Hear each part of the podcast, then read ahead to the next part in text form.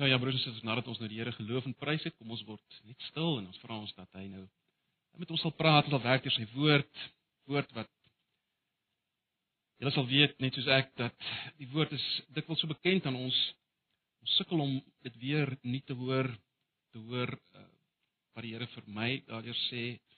Uh ons sukkel om te verander in die lig van die woord en ons het nodig daarom dat dat sy gees sal werk en die woord sal gebruik om ons uh, aan te raak ons denke te vernuwe, ons wil te beweeg. Want anderster ehm kom ons hier in en ons gaan uit maar net op dieselfde manier. So kom ons kom ons gaan na die Here toe vir 'n paar oomblikke. Ja, Here Jesus, ons kom na U toe in groot afhanklikheid en 'n absolute bewustheid van ons eie tekortkominge, ons sonde teenoor U, ons liefdeloosheid teenoor U en teenoor ander. Die enigste rede waarom ons vanoggend hier kan staan en met vrymoedigheid kan bid is maar net as gevolg van wat U vir ons gedoen het, Here Jesus. Die volkomme werk in ons plek. Die feit dat U ons middelaar is wat vir ons intree, wat medelee het met ons swakheid, dis wat ons vrymoedigheid gee in hierdie oggend.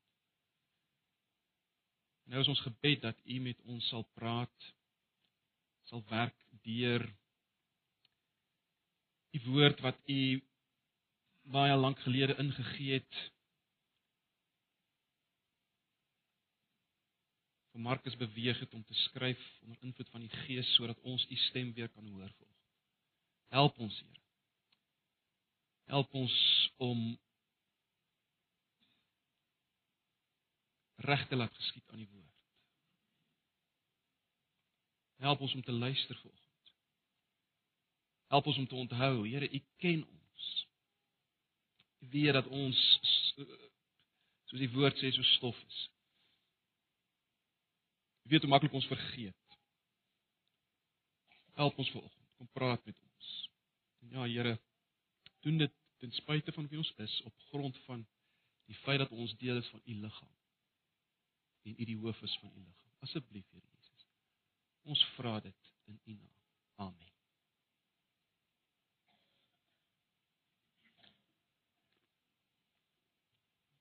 Ja, ja broers en susters, julle sal weet ons is besig met Markus Evangelie. Markus Evangelie uh waarin ons drie groot vrae vind. Wie is Jesus? Jesus waarmee ons te doen het. Wat het hy kom doen? Wat beteken dit vir ons om hom te volg? En uh Markus wil wil wil wil hy sy mense van sy tyd en spesifiek die ouens in Rome, die gemeente in Rome moet hierdie vrae weer kan beantwoord te midde van geestelike chaos rondom hulle. En en dis waarmee ons besig is. Dis waarmee ons besig is. Volgens dan kom ons by hoofstuk 2 vanaf vers 18 tot 3 vers 6. Ek het maar weer die uh die 53 vertaling wat ek gebruik uh daar op die bord gesit sodat julle dit daar kan volg indien jy nie een het nie of dalk nie 'n Bybel hier het nie. Dit is baie belangrik uh julle sal weet ons ons begeerte is dat as ons besig is met 'n boek soos Markus dat ons werklik sal kyk wat wat is in die teks en dat ons sal toelaat dat die Here dit vir ons oopbreek. Kom ons lees vanaf vers 8. En die disippels van Johannes en die van die Fariseërs was besig om te vas. Toe kom hulle en sê vir hom, dit is vir Jesus, "Waarom vas die disippels van Johannes en die van die Fariseërs, maar u disippels vas?" En Jesus sê vir hulle, "Kan die bruilofsgaste dan vas terwyl die bruidegom by hulle is? Solank as hulle die bruidegom by hulle het, kan hulle nie vas nie. Maar daar sal daar kom wanneer die bruidegom van hulle weggeneem word en dan sal hulle vas in daardie dae." Vers 21 en niemand werk 'n nuwe stuk lap op 'n ou kleed nie, anders skeur sy nuwe aangelapte stuk van die oue af en daar kom 'n erger skeur. En niemand gooi nuwe wyn in ou leersakke nie, anders sal die nuwe wyn die sakke laat bars en die wyn loop uit en die sakke vergaan. Maar nuwe wyn moet in nuwe sakke gegooi word. En terwyl hy op die Sabbat deur die gesaaides loop, het sy disippels algaande are begin pluk. Toe sê die Fariseërs vir hom: "Kyk, waarom doen hulle uh op die Sabbat wat nie geoorloof is nie?" En hy sê vir hulle, het julle nooit gelees wat Dawid gedoen het toe hy in die nood was en hy en die wat by hom was honger gehad het, hoe hy in die huis van God gegaan het in die tyd van Abjatar, die hoofpriester, en die toonbroode geëet het wat vir niemand behalwe die priesters geoorloof is om te eet nie, en ook aan die wat saam met hom was gegee het. En hy sê vir hulle, die Sabbat is gemaak vir die mens, nie die mens vir die Sabbat nie. Daarom is die seun van die mens Here ook van die Sabbat. En hy het weer in die sinagoge gegaan en daar was 'n man met 'n verdorde hand. En hulle het hom in die oog gehou of hy op die Sabbat gesond sou maak sodat hulle hom kon aankla. En hy sê vir die man met die verdorde hand: "Staan op in hulle midde." Daarop sê hy vir hulle: "Is dit geoorloof om op 'n Sabbat goed te doen? Goed of kwaad te doen? 'n Lewe te red of dood te maak?" Maar dit stil gebly. En nadat hy hulle rondom met toorn aangekyk het en tergelykertyd bedroef was oor die hardheid van hulle hart, sê hy vir die man: "Steek jou hand uit." En hy het dit uitgesteek en sy hand is herstel gesond soos die ander een. Toe gaan die Fariseërs uit en hou dadelik raad met die Herodiane teen hom sodat hulle hom sou kon ombring.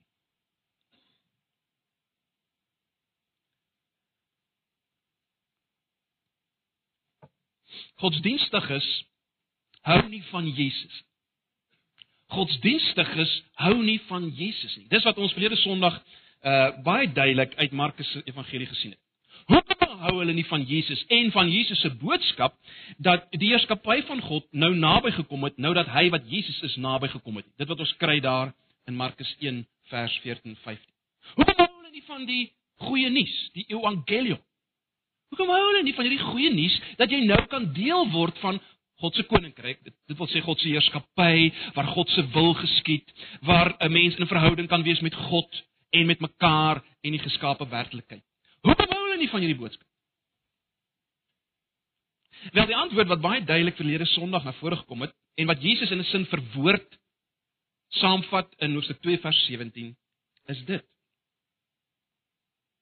Die boodskap van Jesus, die boodskap van die heerskappy van God wat in Jesus gekom het, is net goeie nuus vir die wat siek is.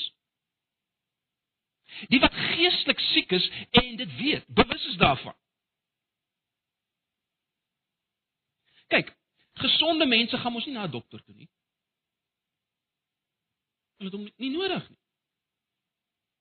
Gesonde mense gaan nie na 'n dokter nie. Hulle het geen behoefte aan 'n dokter nie. Net siekes het. En daarom godsdienstiges wat dink hulle is geestelik gesond wat daarom volgens hulle nie genesing nodig het nie. Wel wel 'n dokter beteken niks vir hulle nie. Jesus kan niks vir hulle doen nie. Jesus kan niks vir hulle doen nie.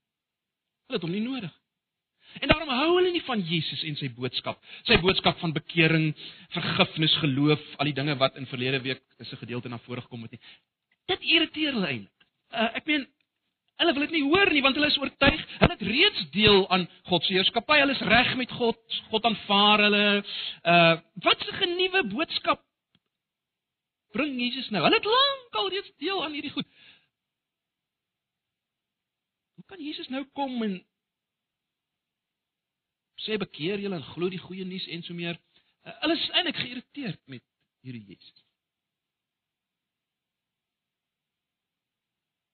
En broers en susters, ons het vir mekaar verlede Sondag gesê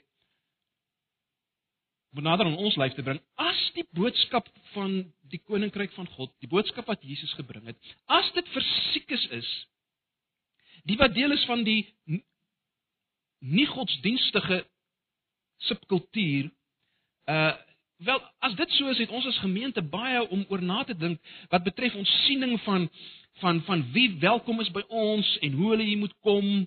Uh en natuurlik nog meer belangrik dan moet jy jouself afvra, uh het ek al ooit besef ek is siek? Of is ek onder die indruk maar dat ek nog maar altyd reg was? Van kleins af. Ek meen ek het in 'n Christelike huis groot geword, so Het jy al ooit besef dat jy siek is? Dat jy regtig 'n geneesheer nodig het? Desperaat nodig het. Dis die dis die vraag wat ons mekaar moet vra en gevra het in die lig van verlede Sondag. Nou, vir oggend wil ek hê ons moet nog duideliker raak sien waarom het hierdie godsdienstiges in Jesus se tyd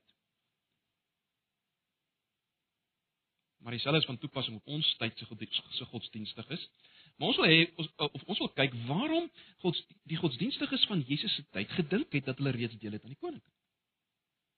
Onder andere, waarom het hulle gedink hulle het reeds deel aan die koninkryk? Waarom het hulle gedink hulle is gesond? En ek wil hê ons moet ook raak sien wat was die basiese fundamentele fout wat die godsdienstiges in hulle denke gemaak het?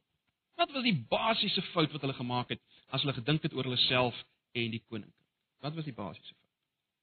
So ek wil net ons moet probeer raak sien terwyl ons na hierdie gedeelte kyk onder 'n paar hofies, 'n paar hofies waarin die verskil tussen godsdienstiges en die heerskappy van God of die koninkryk van God net weer uitgelig gaan word. So dis hoe ek dit gaan doen.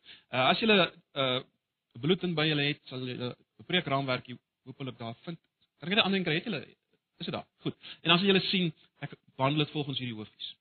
En die eerste hoofie is dit godsdiens dubbelpunt toegewydheid aan instellings. As jy na vers 18 kyk, dan sal jy sien die godsdienstiges van die dag, die fariseërs en die skrifgedeeltes het gevas. Hulle het gevas. Nou wat ons baie mooi moet verstaan is ons praat hier van 'n slegte ding nie. Vas was 'n instelling in die Ou Testament, as mens dit so kan stel. Dis iets wat wat 'n ritueel wat God se mense gedoen het in die Ou Testament. Dit was 'n 'n 'n 'n sombere geleentheid, ehm, 'n ernstige geleentheid, net soos jy dit wil uitdruk, maar dit was 'n integrale deel van hulle godsdienstbeoefening. Daardeur het jy vir God gesê jy's ernstig. Jy wil hê hy, hy moet jou raak sien onder andere. Nie godsdienstiges, as ek dit so kan stel, het nie gevas godsdienstiges het. Uh, En, en daarom, dit was in 'n sekere sin 'n sigbare bewys dat jy deel is van God se mense, as jy deelgeneem het aan hierdie ritueel van vas.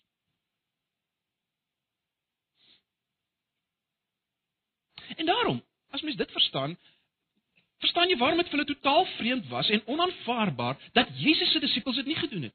Ek meen selfs Johannes se disippels, sy volgelinge doen dit, maar hierdie Jesus wat nou op die toneel verskyn het, wat praat van die Evangelion, die goeie nuus van die koninkryk. Wel, sy mense, sy volgelinge doen dit nie. Hoe kan hulle deel wees van God se mense? Die mense wat God behaag as hulle nie vas nie. Vas is die ding wat God se mense doen. So hulle het gevoel hoe die weerstand in hierdie Jesus en sy volgelinge in hulle opstoot. 'n Weerstand in hierdie boodskap oor die heerskappy wat naby gekom het wat hy bring, dat 'n weerstand in hulle opgestoot. Maar dis die eerste ding wat hulle gedoen het. Hulle het gevas. 'n Tweede ding wat hulle gedoen het wat vir hulle 'n aanduiding was dat hulle gesond is, wat vir hulle 'n aanduiding was dat hulle deel het aan die heerskappy van God, dinge doen wat God behaag, is die feit dat hulle die Sabbat onderhou het. Nou ons moet baie mooi verstaan, die onderhouding van die Sabbat, broers en susters, was geen ligtelike saak in die Ou Testamentiese bedeling. Om die waarheid te sê, min mense besef dit dat uh Die Sabbat was eintlik die teken van die ou verbond, die Mosaïese verbond, nie die verbond met Abraham nie, nie die Abrahamitiese verbond nie, die ou verbond, die Mosaïese verbond. Die Sabbat was eintlik die teken daarvan. Hulle kan maar gaan lees byvoorbeeld in Eksodus 31 vers 16. So as jy nie die Sabbat gehou het nie, het jy letterlik die ou verbond verbreek. Jy moet dit verstaan. Ons praat nie van 'n slegte ding nie. Ons praat van die essensie van Ou Testamentiese godsdiens, die onderhouding van die Sabbat. Uh ag as jy as jy byvoorbeeld in die profete lees, dink aan Jesaja. In Jesaja is baie duidelik dat Sabbatsverbreeking is die groot teken van afvalligheid. En Sabbatsonderhouding is die groot teken, die aanduiding dat jy terugkeer na die Here toe. Gaan lees maar Jesaja.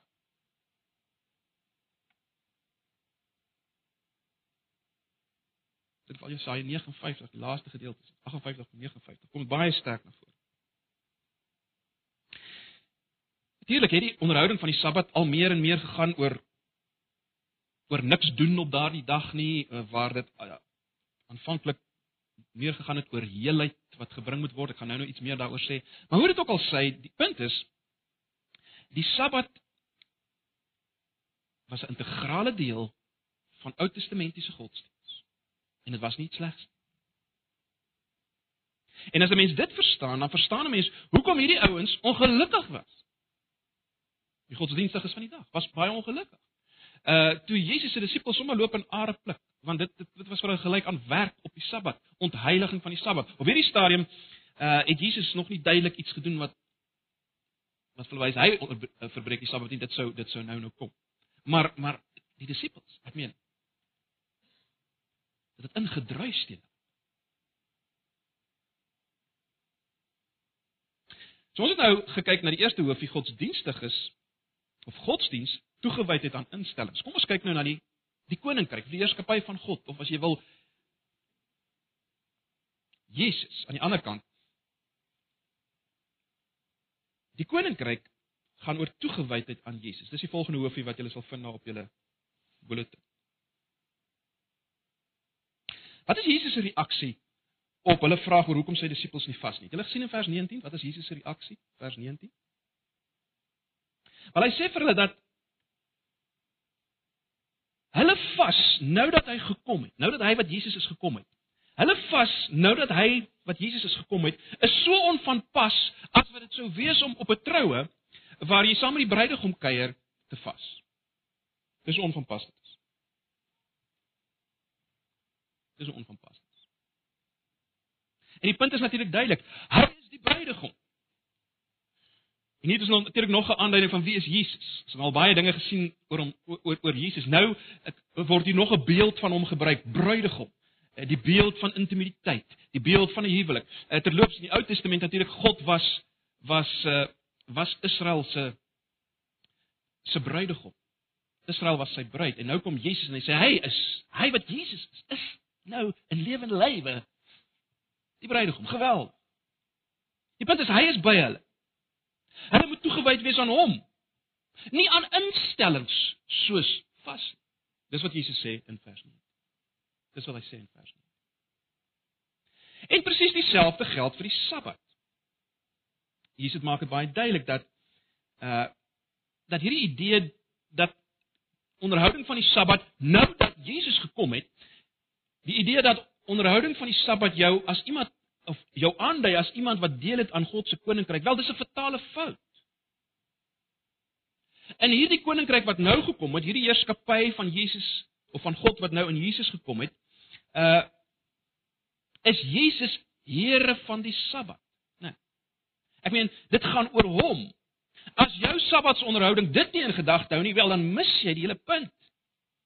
Die Sabbat en dit waaroor dit uh, uh dit waarvoor dit gestaan het, staan nou onder die heerskap van Jesus.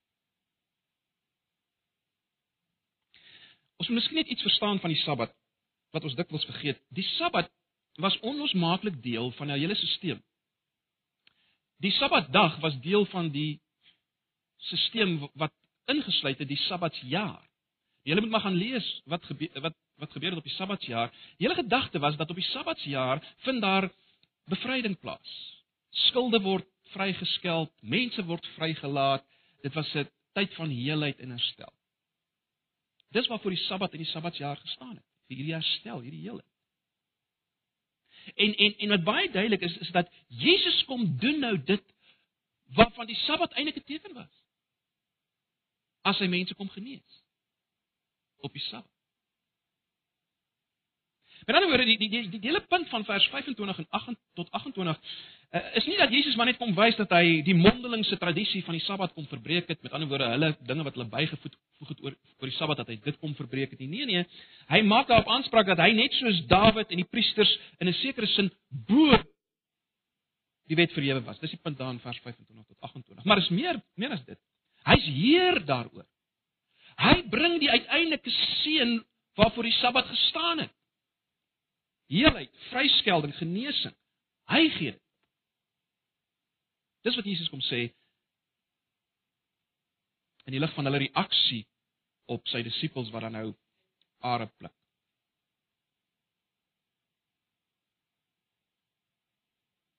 Nou, hierdie lering van Jesus was natuurlik dit was heeltemal te veel vir hierdie selfgeregverdigde fariseërs Hulle het dit nie goed gevat. Hulle het dit nie goed gevat. En daarom soek hulle geleentheid om hierdie Jesus aan te kla. Hulle soek 'n geleentheid om hierdie Jesus aan te kla. En uh hulle kry dit dan ook. As hulle op is, op die Sabbat 'n man met 'n verdorde hand, nou presies watter toestand dit is, soos jy weet nie, Maritjie, jy sal dalk kan raai wat dit is. Uh hulle kry so 'n man daar in die sinagoge. En dit bring my by 'n die volgende hoofie wat julle daar sal kry op julle bulletin. Godsdiens geen liefde vir Jesus en mense nie. So hierdie man word daar getref. Uh dis moontlik dat hy selfs daar geplant is deur die Fariseërs. Hoor, dis is dis nie onmoontlik dat hy selfs daar geplant is deur deur hierdie ouens. En nou hou hulle hom dop om te sien of Jesus hierdie man op die Sabbat gaan genees en sodoende die wet van God gaan verbreek. Dan het hulle hom. Ek meen dan het hulle hom ons nou duidelik. Dit is wat hulle beplan. Stel julle net voor, is dit geweldig nie? Stel julle net vir 'n oomblik voor, né? Ek meen daar sit hierdie ouens in die sinagoge.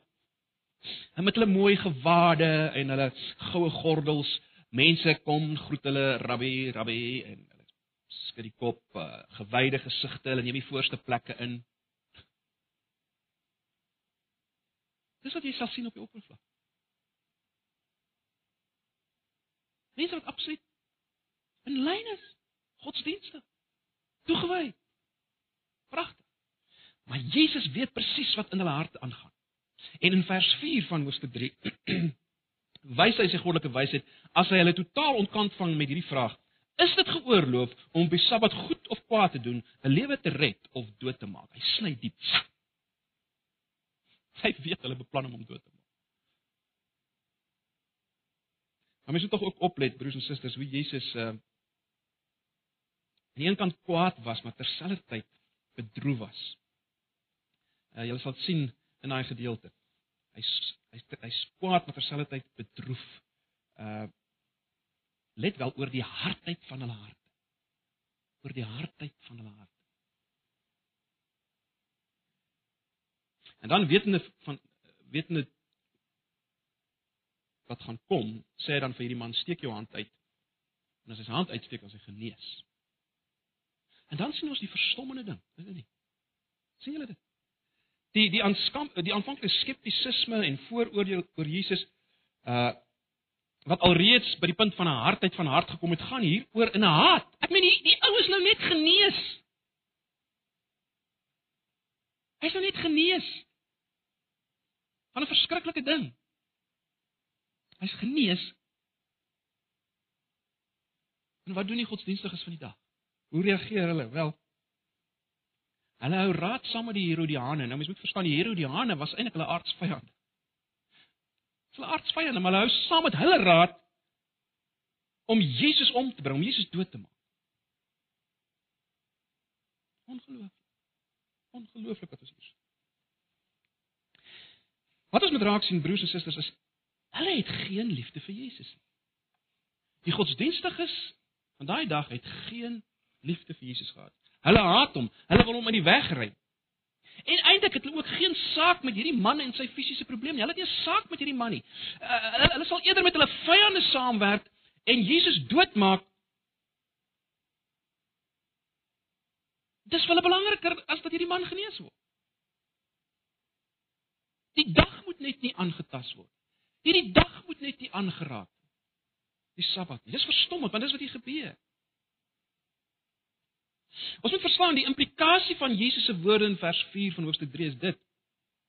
Hulle sal eerder die Sabbat as instelling hou en kwaad doen op daardie dag. Ja, hulle sal eerder daardie dag hou en iemand doodmaak. As om die dag te verbreek. Dis hoe ver dit Natuurlik, soos ek reeds gesê het, Jesus sin speel op die feit dat hulle hom wil doodmaak, né? As hy sê wat is beter om 'n lewe te red of iemand dood te maak? Hulle hulle dit is gemik op hulle wat hom wil doodmaak. Hulle sal eerder dit doen as om hierdie dag te verbreek, hierdie instelling te verbreek. Sien hulle harte is absoluut hard. Hulle sal eerder die dag hou en Jesus doodmaak. Hulle sal eerder die dag hou en Jesus doodmaak. En dit skrikwekkend broers en susters.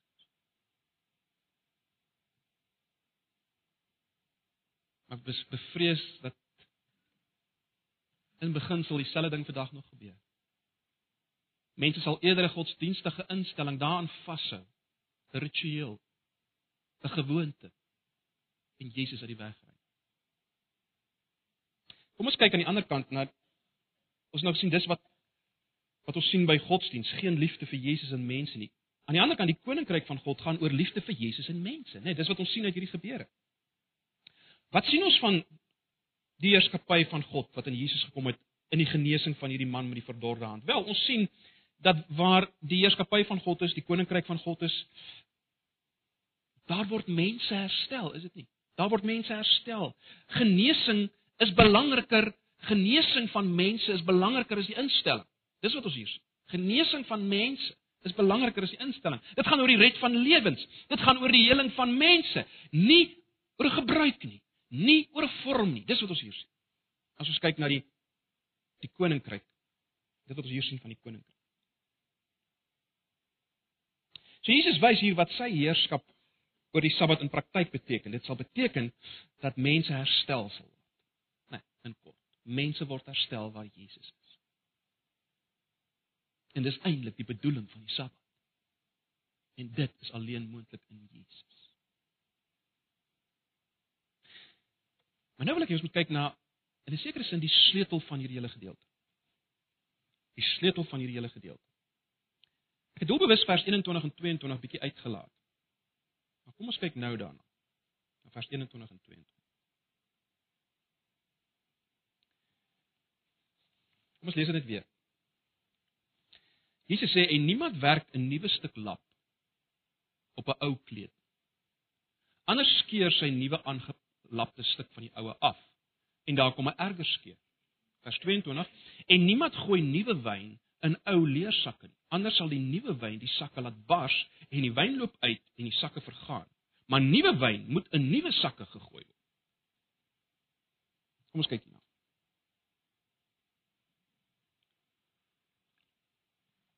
Nou ek is oortuig dat hierdie gedeelte in 'n sekere sin so in die middel van hierdie hele gedeelte lê, of hierdie verse lê in die middel van hierdie gedeelte, juis omdat dit in 'n sekere sin die sleutel is tot die verstaan van die verskil tussen die godsdienstiges en die koninkryk. Of as jy wil, hier lê die basiese fout wat hulle gemaak het. Nou as ek mekaar in begin gesê wil kyk wat is die basiese fout wat hulle gemaak het en hulle dink. Hier is die basiese fout. Wat sê Jesus? Wat sê Jesus in hierdie verse oor die lap en die wyn?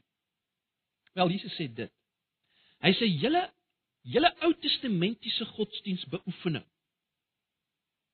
Nou dat ek gekom het, dit wel julle Ou Testamentiese godsdienstbeoefening, nou dat ek gekom het, het net so min betekenis, is net so onvanpas soos die werk van 'n ou stuk lap op nuwe klere of die gooi van nuwe wyn in ou sakke.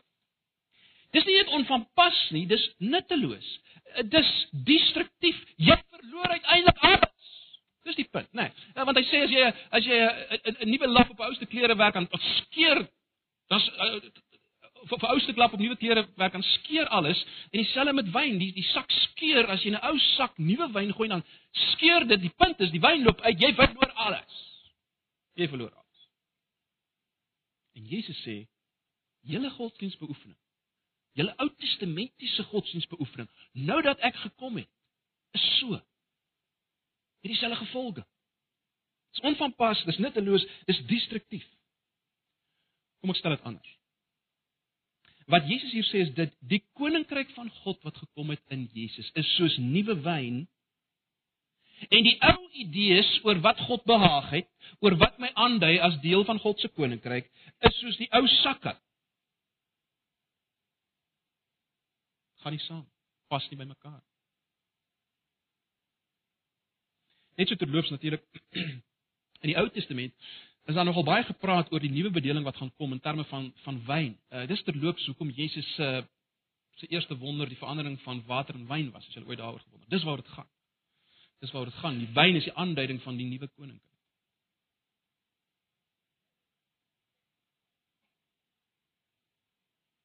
Maar die punt is met ander woorde, die sleutel vir die verstaan van die verskil tussen die godsdienstiges van die dag en die koninkryk van God lê hier. Dit lê hier.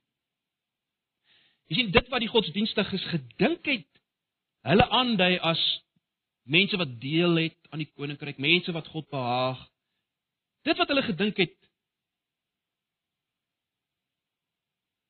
so is, met ander woorde dit wat hulle gedoen het, wat hulle gedink het dui aan dat hulle deel is van die koninkryk. Wel dit was soos ou lappe en ou wynsakke.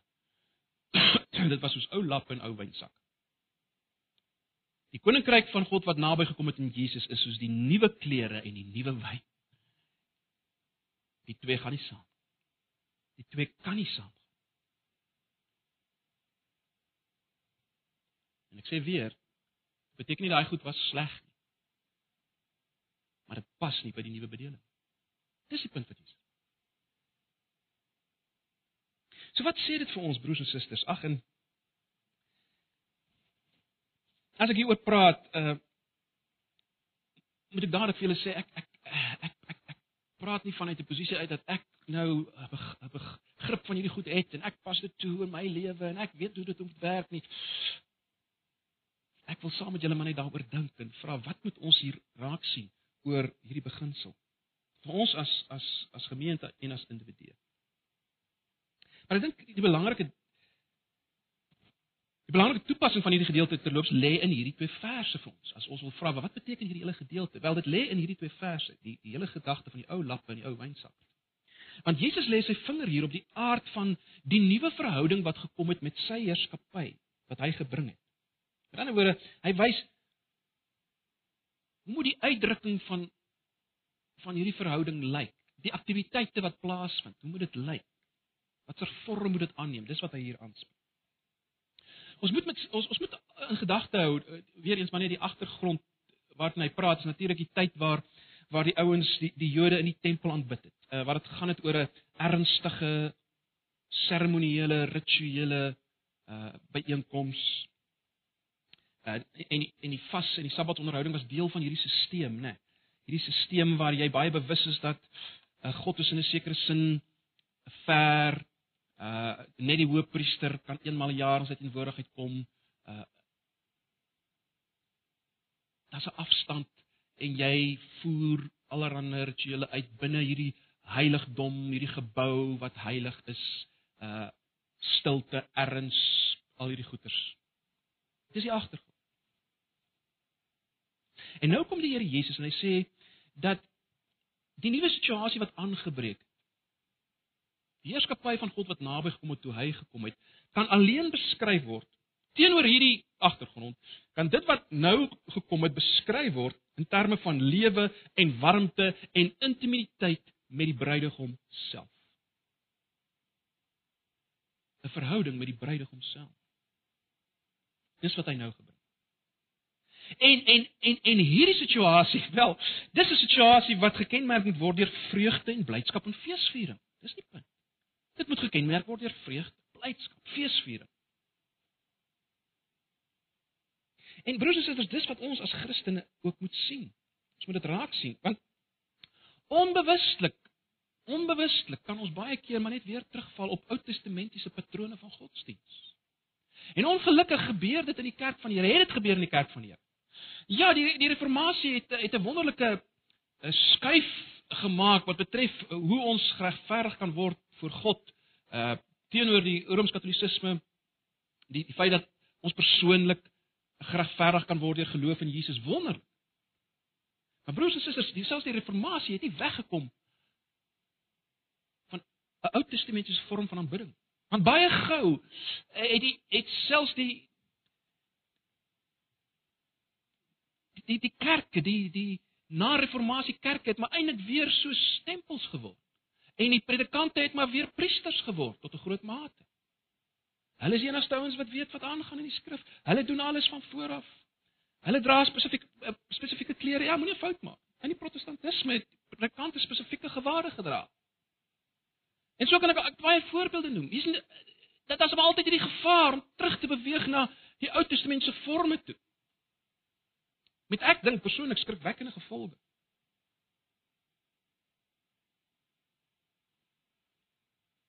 So ja, in die Rooms-Katolieke Kerk sien ons dit by uitstek.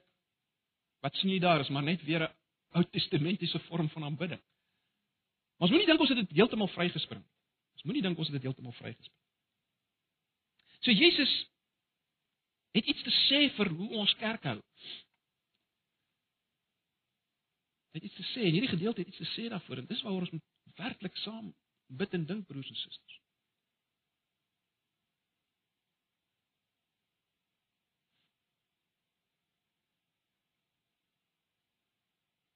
Jesus sê ek is by julle. Julle moet fees vier, daar moet vreugde wees. Nou, miskien sê jy maar wag Jakobus, Jesus is mos nie nou by ons nie. Wel, in Matteus 28 sê hy vir sy disippels, kyk, ek is by julle tot aan die einde. En in Johannes 14 tot 16, daai gedeeltes oor die Gees, maak Jesus baie duidelik as mens mooi gaan kyk daar, dat hy 'n trooster net soos hy gaan stuur, een van dieselfde soort, dis die Heilige Gees wat terug sal kom na hulle toe.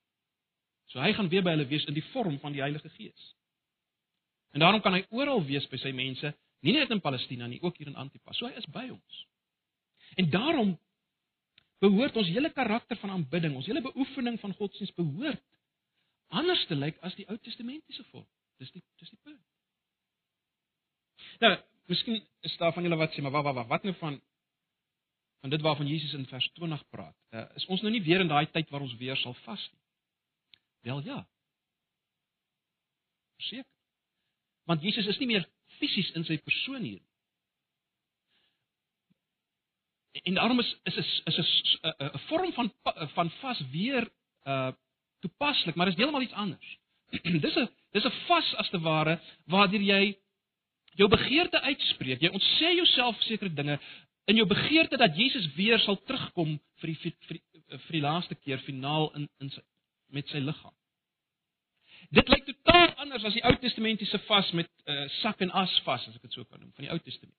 'n totaal ander karakter. So die punt bly dieselfde. Jesus se se se fisiese koms en die tyd daarna waar hy nie fisies by ons is nie, maar deur sy gees en ons verlang dat hy uiteindelik weer gaan terugkom. Die hele tydperk is 'n tydperk van nuwe wyn.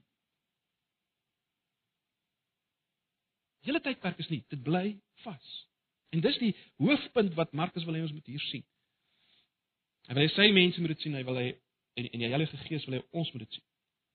Ons leef broers en susters in 'n radikale ander tydperk en dit het ingrypende implikasies vir ons hele godsdienstbelewing en beoefening.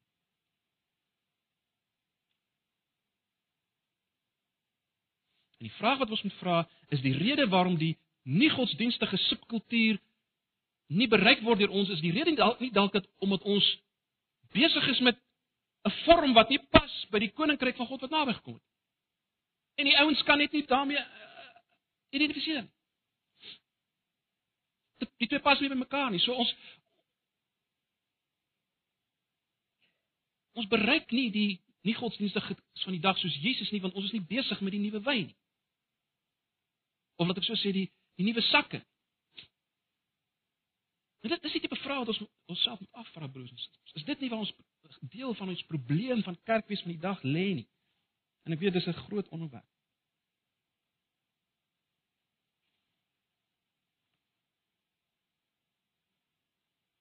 As ons byeenkomste, as ons saam wees werklik weerspieël dat ons oortuig is dat Jesus deur sy Gees in ons midde is, as daar iets van daardie blydskap is en daai vreugde, wat sal gebeur? Dis die uitdaging. Maar natuurlik gaan dit nie net oor ons gemeente wees nie, dit gaan oor ons individuele Christelike lewens. Wys ons individuele Christelike lewens dat ons in verhouding staan met die bruidegom. Is die redding van lewens op ons agenda?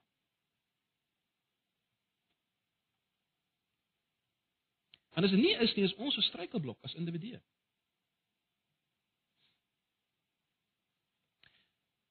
Punt is broers en susters, 'n vars nuwe verhouding vra 'n vars nuwe uitdrukking.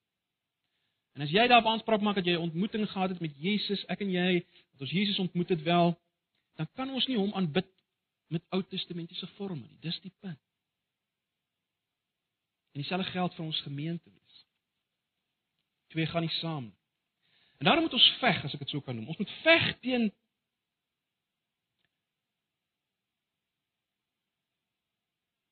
teen die ou lappe die ou wynsakke. Ons moet veg dat die ou lappe en die ou wynsakke.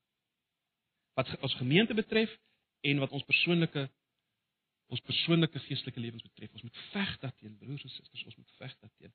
Uh en weer eens let op die dinge wat ons moet beveg is nie slegte dinge nie.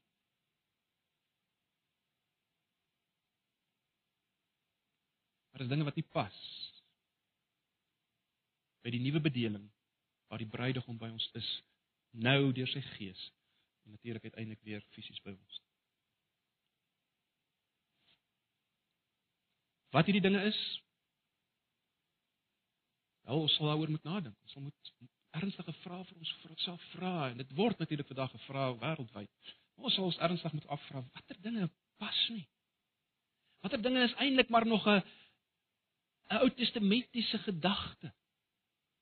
En die hele manier hoe ons ons dienste inklee en so meer. Ons moet oor hierdie dinge dink. Dis die uitdaging van hierdie gedeelte. Ons moet regtig dink en bid oor oor watter dinge pas nie by die nuwe verbond nie. Maar natuurlik kan mens alles sy stap eh, en net dit op die gemeente gooi, né? En sê ja, die gemeente moet nie dink oor hierdie goed, maar die vraag is, hoe lyk jou en my verhouding met die Here? Is dit maar nog steeds net een van vorm en geleentheid of is dit een van 'n warm, vreugdevolle verhouding met die bruidegom? En dis die vraag wat ek myself moet afvra. Is jy is jy nog gestel op op die hou van dae en geleenthede? Of is jy ingestel op die red van lewens om Jesus se woorde te gebruik? Is jou hart dalk nog hard? Jy sien, die oomblik as jy werklik in 'n verhouding is met Jesus, as jy werklik hom nie wil bedroef in wat jy doen en wat jy nie doen nie, wel dan begin jou hele geestelike lewe anders lyk as die ou wat net nie nie 'n sekere vorm of uitdrukking wil doen nie. Ek moet net daarom my stukkie Bybel lees. vir die dag en so mee. Jy sien, dit is totaal iets anders as jy in 'n verhouding is met die bruidegom. Uh dan kyk jy ook nie rond na o, wie anders doen hierdie goed of daai goed doen dit of doen dit dat nie. Nee, jy kyk as te ware by wyse van spreek in die oë van die bruidegom en vra hom, is dit reg met u? Dat ek hierdie ding doen of nie doen nie. Jy sien, dit is totaal iets anders. Ek kry baie keer die indruk, Christene kyk net rond. As iemand anders 'n ding doen, dan is dit reg. As ander al die ander Christene doen, dan is dit ook reg vir my om te doen. Nee, nee. Christendom, die nuwe verbondsverhouding lyk anders verhouding in 'n verhouding wees met die bruidegom. Ag, ons moet baie mooi dink. Elkeen van ons wat hier sit, bestaan my kristendom nog bloot uit die bywoon van eredienste en die bywoon van 'n selgroep nou en dan of wat mag ook al mag wees. Bestaan my Christelike lewe uit bid voor ete. En 'n vinnige stukkie Bybel lees in die aand wat ek nie eintlik lus is voor nie en ek sit 'n bietjie vaak of dalk in die oggend en ek dwing myself. En dis dit. Dis my godsdiens. Of staan ek in 'n verhouding met Jesus? Praat ek met hom deur die dag? Beïnvloed my verhouding met hom elke ding wat ek doen, elke ding wat ek sê, waar ek beweeg, waar ek myself bevind? Ah, broers en susters, dis die uitdaging van hierdie gedeelte. En weer is dis die uitdaging vir my en ek, ek, ek stel my glad nie bo julle wat hierdie goed betref. Teen. Dis die uitdaging. Dis die uitdaging. So daar's 'n uitdaging vir ons as gemeente en daar's 'n uitdaging vir ons as individue.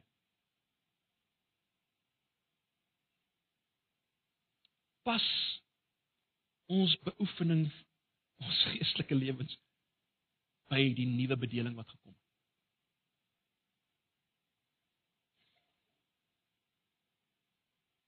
Of ons of ons, ons is besig met daardie daai ou sakke wat bros raak en breek en die wyn laat uitloop.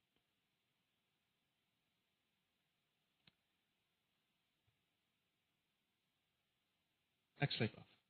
Kom ons vra onsself weer die vraag. Hou ons van die Bybelse Jesus en sy heerskappy?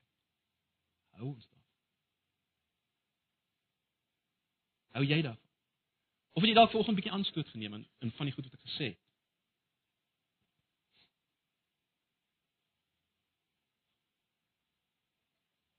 Al die godsdienstiges van Jesus se tyd het geweldig aanstoot geneem oor dit wat hy gesê het. As jy eerlik vanoggend met jouself is en jy jy jy moet baie eerlik wees vanoggend en jy moet vir jouself sê ek hou nie ek hou nie heeltemal van ek hou nie heeltemal van hierdie goed nie. Wel dan jy nodig om jou te bekeer. Om jou denke te vernuwe. Jy het nodig om die goeie nuus te glo van dit wat gekom het in Jesus.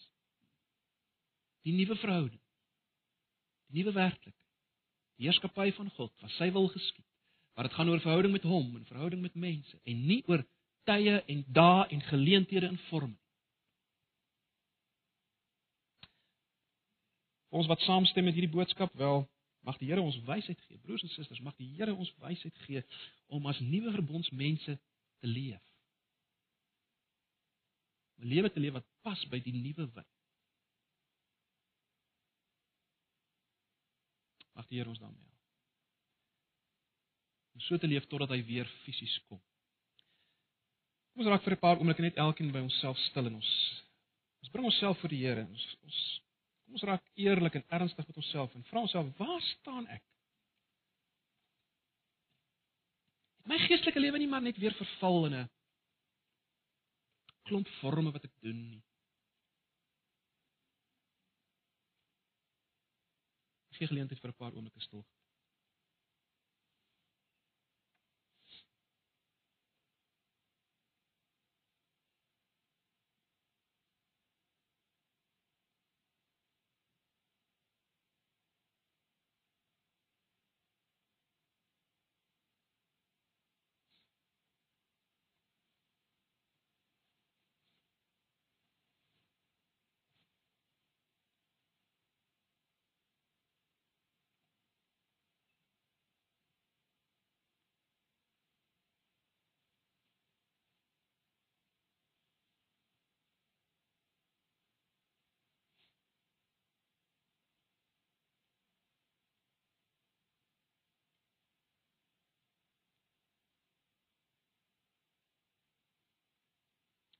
Here Jesus, my gebed is dat U in hierdie oggend met elkeen van ons sal werk deur die Gees. U ken elkeen wat hier sit.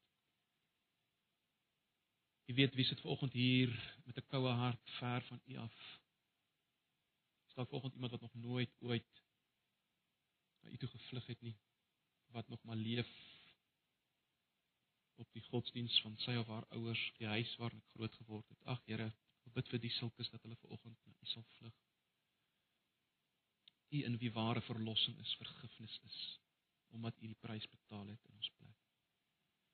Ek bid vir hulle wat stadig maar seker in hulle beoefening weer terug beweeg het na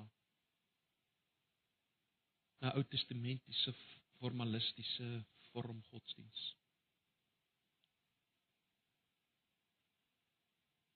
Mense wat dalk baie toegewyd is maar